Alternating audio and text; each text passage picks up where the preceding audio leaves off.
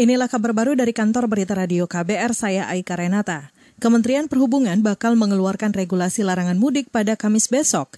Regulasi ini mengatur pelaksanaan larangan mudik dan sanksi bagi warga yang nekat mudik. Direktur Lalu Lintas Direktorat Jenderal Perhubungan Darat Sigit Irfansyah mengatakan yang perlu menjadi perhatian besar adalah pemudik yang menggunakan sepeda motor. Utama untuk yang sepeda motor, kami sadar bahwa pemudik sepeda motor juga cukup besar. Jadi saya tidak bicara pemudik itu karena apa, karena apa, masalah ekonomi itu cerita yang berbeda. Itu juga potensi yang besar perlu kita amati bahwa potensi mereka akan lolos dari wilayah penyegatan juga cukup besar. Itu yang mungkin terjadi. Tapi kita dibantu dengan dinas perhubungan yang daerah di tempat mereka datang. Ya, itu yang mereka akan hmm. jegat di sana dengan SOP yang jelas masalah karantina atau apa pun apa isolasi mandiri ataupun namanya. Direktur Lalu Lintas Direktorat Jenderal Perhubungan Darat Kementerian Perhubungan Sigit Irfansyah menambahkan, penerapan sanksi persuasif berupa putar balik akan dimulai pada 24 April hingga 7 Mei. Kementerian Perhubungan juga tidak akan menutup jalan tol karena mengingat distribusi logistik harus tetap berjalan. Sementara itu, saudara, Jasa Marga memastikan jalan tol di sekitar Jabodetabek tidak akan ditutup, meskipun Presiden Jokowi mengeluarkan larangan mudik lebaran.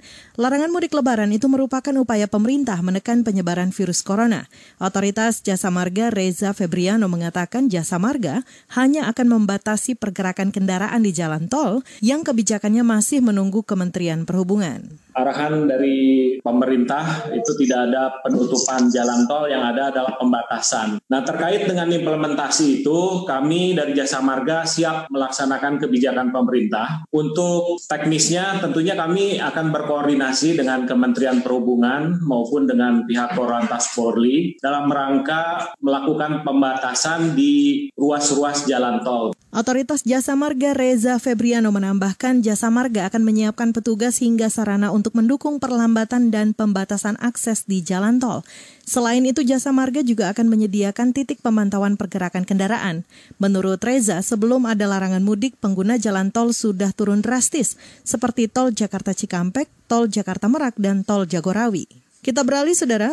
Pemerintah diminta memberi sanksi tegas bagi warga yang melanggar larangan mudik. Pengamat kebijakan publik Agus Pambagio menilai kebijakan tidak akan efektif jika pemerintah tidak menegaskannya dengan sanksi-sanksi tertentu. Saya kan mazhabnya mazhab karantina atau lockdown. Tapi pemerintah memilih dari PSBB. Ya sudah, saya ikuti. Tapi persoalannya, selama tidak ada sanksi, kebijakan itu tidak berarti apa-apa. Gaji saja saya, lupa. Itu ada sanksinya 500 ribu. Masa ini urusannya apa tidak ada sanksinya? Jadi kalau tidak ada sanksinya, tidak ada sanksinya, lupakan kebijakan ini ada. Pengamat kebijakan publik Agus Pambagio memandang aturan larangan mudik ini masih kabur jika dilihat dari waktu penerapan kebijakan hingga pemberlakuan sanksi. Agus menilai masyarakat masih memiliki kesempatan untuk mudik lebih awal sebelum larangan mudik diberlakukan mulai 24 April 2020.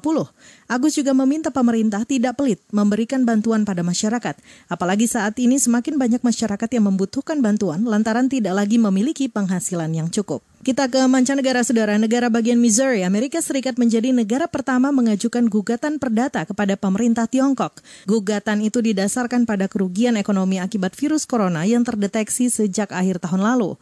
Otoritas pemerintah Missouri menyebut kurangnya transparansi pemerintah Tiongkok mengenai COVID-19 membuat perekonomian negara bagian itu merugi. Negara bagian itu juga menganggap Tiongkok lalai mengendalikan penyebaran virus corona jenis baru itu. Saudara, tidak hanya Missouri, sejumlah pengusaha pengusaha asal Amerika Serikat juga menggugat pemerintah Tiongkok ke pengadilan di Amerika Serikat. Demikian kabar baru dari kantor Berita Radio KBR, saya Aika Renata.